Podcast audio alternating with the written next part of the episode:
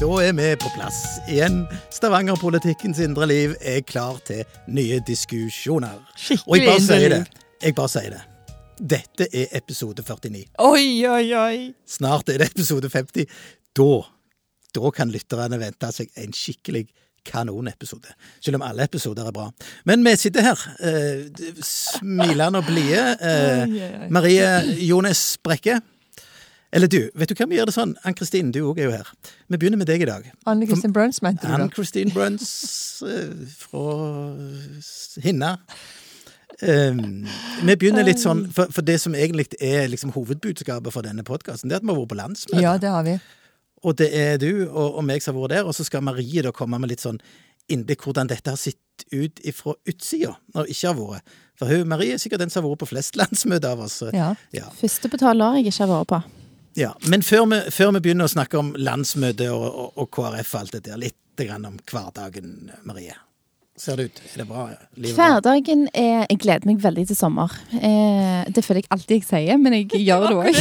Ja, for da skal du bade, sant? Ja, ja, ikke minst. Men eh, nei, jeg, eh, jeg bliner til. Jeg syns det er nydelig. Og jeg vet jeg har sittet i denne podkasten og sagt det før, men eh, det er tydeligvis det som ligger meg på hjertet. Jeg, eh, jeg syns det er godt med vår. Eh, varme. Gleder meg til 17. mai. Jeg gleder meg til blomstene spretter. Og ikke sånn forventning. Og så er det travelt, kjempetravelt å være på jobb. Eh, men kjekt. Og så gjelder det å finne ut av den der balansen som alle finner ut av. Eh, men akkurat nå gleder jeg meg over at det går mot sommer. Men når du nevner 17. mai, hva gjør, hva gjør Marie på 17. mai? Da går jeg i tog. Og i år som rektor skal jeg gå først i, i toget til SKG, i barnetoget i Stavanger. Og så skal jeg gå i folketoget med bystyret, eller kommunestyret som vi liker å kalle det. Så det er tog som er høydepunktene, og imellom der så er det mye is og familieselskap og kos. Og jeg er en sånn 17. mai-elsker. Syns det er fantastisk. Virk. Jeg elsker Hele familien i 17. bunad, eller? Oh yes. Guttene òg? Oh yes. Oi, oi, oi. Ja, jeg elsker 17. mai. Ja, jeg matcher det. Akkurat nå er det bare meg og Siv, da. Vi har jo bunad begge to, og vi har alltid alle ungene hatt bunad, men nå er jo ikke de her, da. Men det er fantastisk. Jeg elsker 17. mai. Det er en dag der alle feirer alle. Vi feirer hverandre, og vi feirer demokratiet. Og vi er sammen, og folk er glade. Og det er så utrolig stemning. Og det å få lov til å gå i folketoget og se alle de folka langs ruta. det er en stor opplevelse, det, faktisk. Det er en ære. Mm. Så det må jeg bare si, og jeg elsker det. Og da er det bare masse familie og venner, og så håper vi at det ikke blir sludd og snø. At det blir fint vær. Å ja, det må det. Det må det bli, vet du. Og Jeg var jo i 17. mai-komiteen en periode, og det var den kjekkeste komiteen jeg var med i. Fest og basar. Helt Ja, men du liker fest. Det gjør du. Så det, det skal elsker du ha. feiring. Men det- Feiring det- er noe som står over mitt liv. Ja. Men det, er det, ja, men det er flott med 17. mai. Altså, det er jo ikke sånn, det er sjelden noe veldige diskusjon om du skal gå i 17. mai-tog eller ikke. Det slipper vi. Det, Jo, jeg har gjort et, et, år. Jeg syntes det var bare tull å gå i tog når jeg var sånn videregående skole. Og da gikk jeg på fjelltur i stedet for over, over isbreer på ski og sånn. Såpass. Hva da hadde du fått for deg? Nei, jeg vet ikke hva det var. Jeg syntes det var liksom kjekkere å gå i naturen. Og Ja, hadde flagg i sekken og hele pakken. Men ellers har jeg vært veldig veldig opptatt av 17. mai. Ja. Ja, 17. mai er bra, det. Men det er en stund til ennå, da. Du da, Henrik? Det er jo det. Nei, hva jeg det, det vet dere jo litt om, sant? Hva, hva april går i. Lamming. Da er det lemming. Men jeg har, hatt, jeg har holdt på med et annet prosjekt òg, eh, nå i vår, som har vært kanoninteressant. Og det er jo at jeg har på, på eiendom så har jeg skog. Og den har jeg hogd tatt ut. Og jeg har liksom fått anledning til litt sånn, litt sånn møter med fylkesmannen og sånn, og sette meg inn i hva i forhold til miljøet. Hva betyr skog? Altså i forhold til karbonfangst og CO2-utslipp. Altså, dere aner ikke hvor interessant det er. Det er noen enorme mengder som, som skog opptar. Vi skal, nå skal vi ikke snakke om miljø i dag, da, men det var du som spurte hva jeg er opptatt av for tida. Dette er jeg faktisk opptatt av. Det, Hva blir tre når du har tatt ut? Nei, noe går til Tyskland, noe går til, til, til husbygging i Tyskland, og noe går til, til papirproduksjon. Det er alltid til kvaliteten på, Hva type trær er det? på material.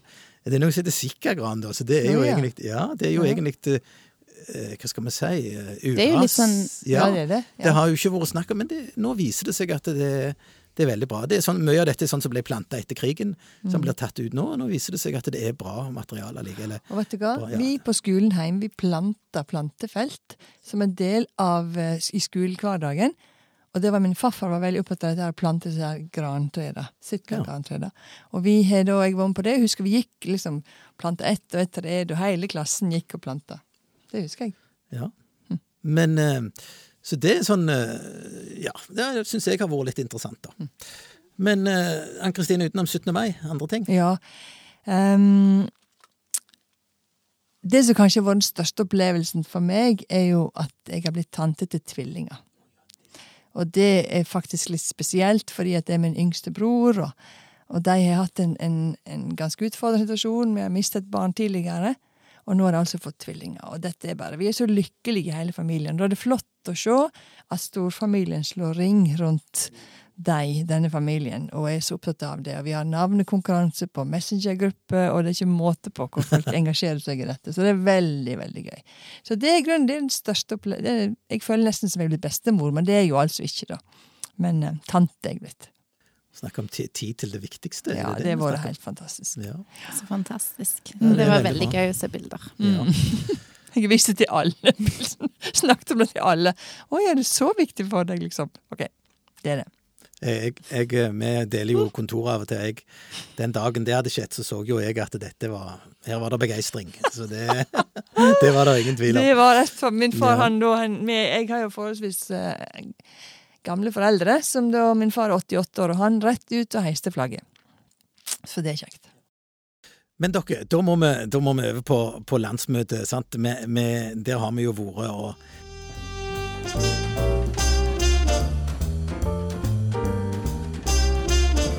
Det er jo liksom det er annethvert år, og det er en skikkelig sånn happening for partiet. Det gjelder jo alle partier, og sånn er det jo for KrF. Men jeg tror vi, for det, det, vi skal diskutere oss gjennom noen saker som vi hadde oppe til diskusjon på, på landsmøtet. Men det vi skal bare begynne med, og det tenker jeg du, Ann-Kristin, kan bare ta med Vi har uh, fått på plass en ny eh, ledertrio. Mm. Uh, bare, bare si litt om det. Vi har gjort de nødvendige valgene, noe som nå rigger for de neste åra. Mm. Ja, så da Olaug hadde jo ikke noen motkandidat, så hun er leder. Olaug Bollestad. Og nest, første nestleder er Dag Inge Ulstein. Og begge to ble med akklamasjon. Og så var det to som stilte til nestleder, andre nestleder vervet. Og Ida Lindtvedt Røse og Jorunn Lossius. Og de eh, er jo forskjellige og har forskjellige tanker om forskjellige ting, men begge to veldig gode kandidater som kunne gjort jobben bra, men Ida fikk flertall. Så hun ble valgt. Og det Nå er vi bare å kjøre på. Det er Ja, og det, det, kjempeviktig. det, og det var ganske tydelig ja, det var flertall. Sånn at dette, dette nå, er det, nå har vi rigga det. Ja. Eh, og så, eh, Marie, bare litt sånn eh, Du har jo vært med i ei gruppe som sitter på prinsipprogrammet vårt. Mhm. Si litt om det, eh, litt sånn tydelig i forhold til prinsipper. For det er, det er tross alt litt viktig. Vi vedtok det med to tredjedels flertall. Sant? Og det måtte vi ha for å hele var, var det bare noen få? Det var bare tre stemmer som var, hadde, påvirk, hadde innspill på den. Det var jo ja. Jo, jo, men viktigheten av altså at vi, Ja. det nytter ikke bare med kvalifisert flertall, du må Nei, litt nei. mer. Mm, Men si litt om det, Marie. sånn at vi... Ja, jeg har stått i denne gruppa som har jobbet med prinsippene til KrF som ligger til grunn for vår tenkning. Eh, litt mer de ideologiske prinsippene som, eh, som vi tenker er grunnlaget for den politikken som vi utformer på toppen av det hele.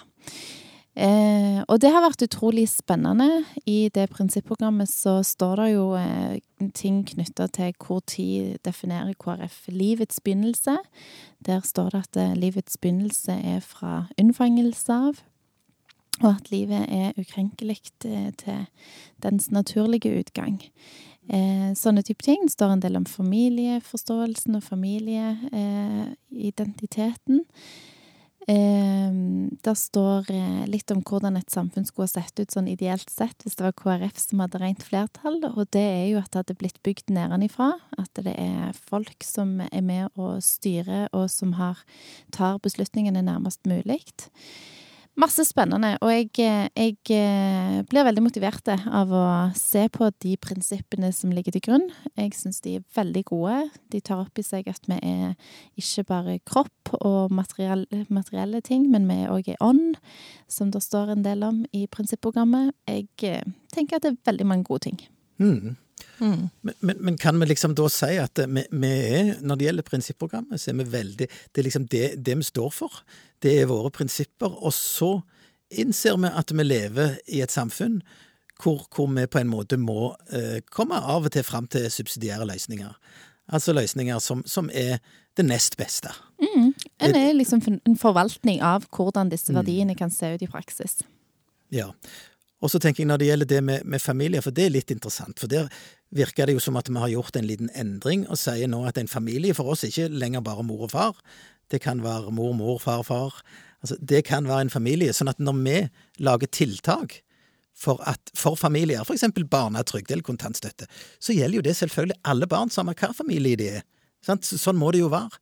Men så er vi tydelige i prinsipprogrammet på hva vi mener at ekteskapet er. Ja, og så må vi på en måte jobbe ut ifra de forholdene som ligger til grunn i dette samfunnet, og der er det veldig mye sammensatte eh, familiekonstellasjoner som, eh, som vi må forholde oss til. Og så samtidig så sier vi noe, sånn som du sier, Kristine, om hva er barnets beste? Eh, og så eh, hva er barnets beste ut ifra de forholdene som mange unger lever under. Sant? Der er enslige, skilte foreldre. Der er noen som er har eh, ikke kontakt med en av foreldrene sine. Noen har to fedre, noen har Ja. De aller fleste har jo mamma og pappa, da. Men eh, det er mange andre varianter òg. Og må vi, der må vi ta utgangspunkt i barns beste. Hvordan kan vi hjelpe ungene til å få en god eh, oppvekst? Ja, for det er tiltakene vi Ja, det er det vi skal utvikle. Det er det vi skal utvikle, og det må jo da selvfølgelig gjelde alle. Det, men her er det noen litt sånn prinsipielle ting som er litt sånn interessant. Men det er jo vi som er i KrF, eh, er jo opptatt av dette, og ja. Ja, jeg tenker at det kan være viktig for oss å prøve å få det ut, så folk kan kanskje gå inn, klikke seg inn og lese på dette. Det vil jeg jo anbefale, selv om det er kanskje mest for spesielt interesserte. Men det er jo, det sier veldig mange gode setninger om ting, og de står fast. De har fått et solid flertall. Ja.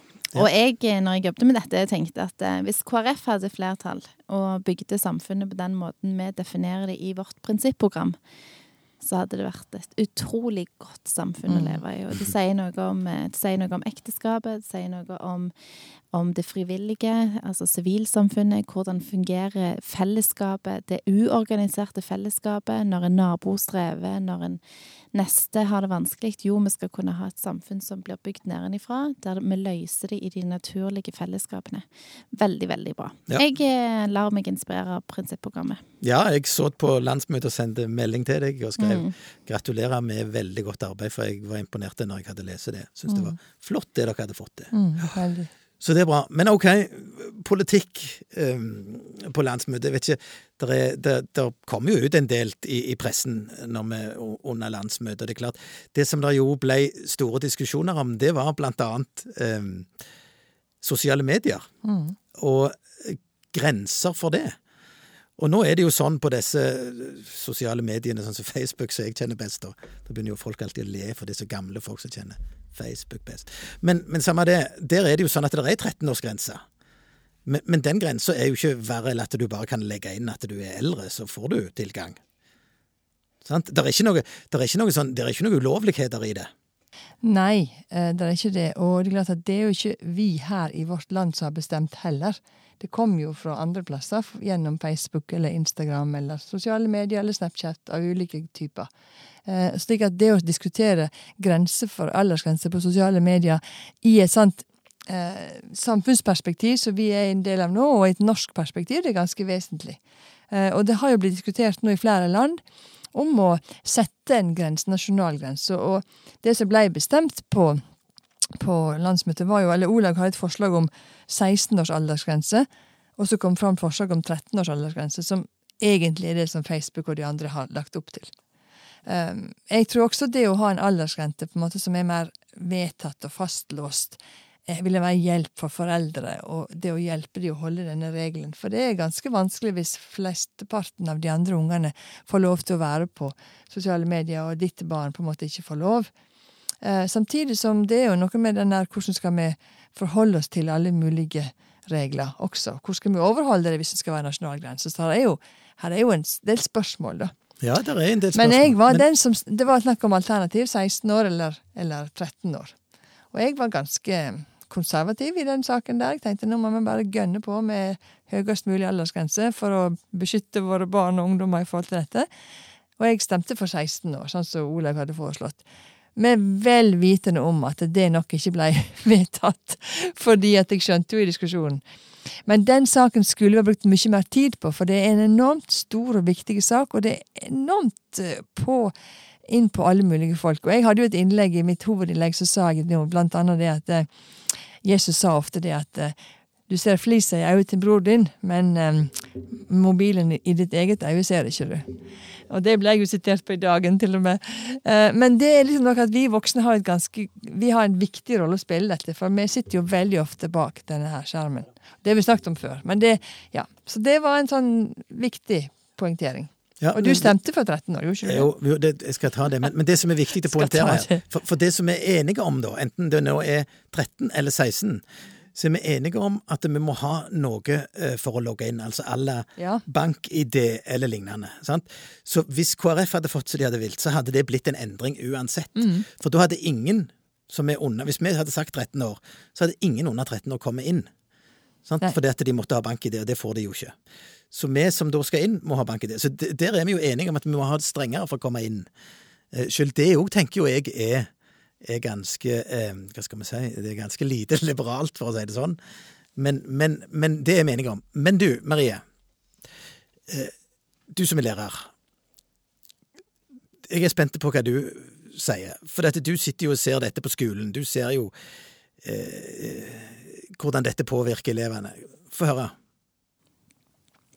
Ja, jeg er jo bare litt sånn sparende til om en klarer å regulere det, eh, om en får det til. Eh, men, eh, men det er jo måten de kommuniserer på. Sant? Det er jo blitt en hel, helomvending på måten en kommuniserer på. Eh, jeg vet ikke hvordan dere kommuniserte med venner når dere var 11-12 år, men nå kommuniseres jo alt. Eh, klassechatter, når en skal treffes, hva en skal finne på. Alt kommuniseres jo via Snapchat. Så hvis en ikke hadde hatt det, og ikke hadde hatt muligheten til å ha disse her, så hadde det vel vært et eh, SMS igjen og tekstmeldinger og sånne type ting. Hvis en hadde klart å regulere det, så tror jeg det hadde vært kjempebra. Jeg stiller meg nok litt spørrende til om, det om den er er på en måte den muligheten er forbi, dette har gått for langt. Eh, Men eh, det er en litt annen en annen diskusjon, Intensjonen egentlig. er Mm. kjempegod. Ja. Men liksom, eh, for dette, det, det som jeg er litt sånn overraska over, det er at det blir jo framstilt veldig negativt. Altså, jeg tenker sånn som så, sånn så en 14-åring, da, bare for å si det, som har gjerne eh, Og nå som har vi jo inne på dette med familier, det er mange typer familier. De kan jo bruke disse sosiale mediene positivt til å holde kontakt med hverandre, til å avta Altså, det er jo ikke bare negativt, dette. Det, det er jo noe positivt òg med denne utviklingen, er det ikke det? Det er absolutt det. Og klart at dette, de positive sidene må vi framheve. Og jeg tenker nok at den sosiale kontakten som Marie er inne på, er jo en positiv side av det. Det er at det er lett, lettere for å komme i kontakt med folk, og det er lettere for å ja, Så avtale sitter ting. ja. ja, sitter de og spiser en yoghurt, sant? men de er alene. Men da tar du et bilde av den yoghurten og sender det til venninna di, så vet du Så, så, så, så føler du at du deler det øyeblikket. sant? Du satt egentlig bare og spiste en yoghurt, men plutselig er du to i det, i det øyeblikket. Og det er jo sånn det oppleves for ungdommene, sånn som jeg leser det. De filmer jo mye de gjør, sant, og sitter og er veldig raskt på. Tar et bilde, skriver hva skjer, og så bang, et bilde tilbake igjen. Sant, så ser du hvor den andre er. Det er jo sånn sosiale livet har blitt. Eh, og der er det jo mye positivt, og så er det mye negativt. Og, og det å på en måte trykke i nødbremsen og gå tilbake igjen til å regulere det og på en måte fjerne muligheten til det, det, det tror jeg kanskje er litt sånn utopisk. Men, Men hvis eh, vi sier vi, vi snakker jo om en aldersgrense, da. Det er jo ikke å fjerne det for. Men klart at det å ha en aldersgrense, da gjelder det alle, da. Innenfor den aldersgrensen som vi setter. Ja. Men hvordan vi skal gjøre det praktisk, det er jeg helt enig i. Det kan bli utfordrende. Men, men hva, er, hva er det vi vil For dette, den der sosiale kontakten, at folk kan kontakte en annen på, på, på media, det vil vi ha. Men hva er det vi vil ha vekk? Vi vil jo ha vekk at f.eks. Snapchat eh, sletter ting sant, umiddelbart etterpå. Sånn at du ikke kan finne det igjen. Sant? For hvis du da har sett, sendt et bilde som, er, som har sensitivt innhold, eller som har nedsettende innhold mot noen andre, så sendes det gjerne bevisst for å, for å mobbe, sånn eksempel. Og så finnes ikke det så raskt opp igjen, fordi at du har denne slettefunksjonen, at det, det, det slettes etter en kort tid. Så det syns du er positivt? Altså Det brukes Ja. jo veldig positivt, men det Ja. brukes òg veldig negativt. Ja. sant? For du, du sender mye drit òg. Mange Mm. sender mye drit. Og mange er mottakere av dette her. Og så var det vel eh, på en måte den type dynamikker at det var noen som ble plaga før òg, men det er på en annen måte, og du blir litt tøffere bak en skjerm. Og den negative sida er like sterke som den positive, og kanskje enda sterkere.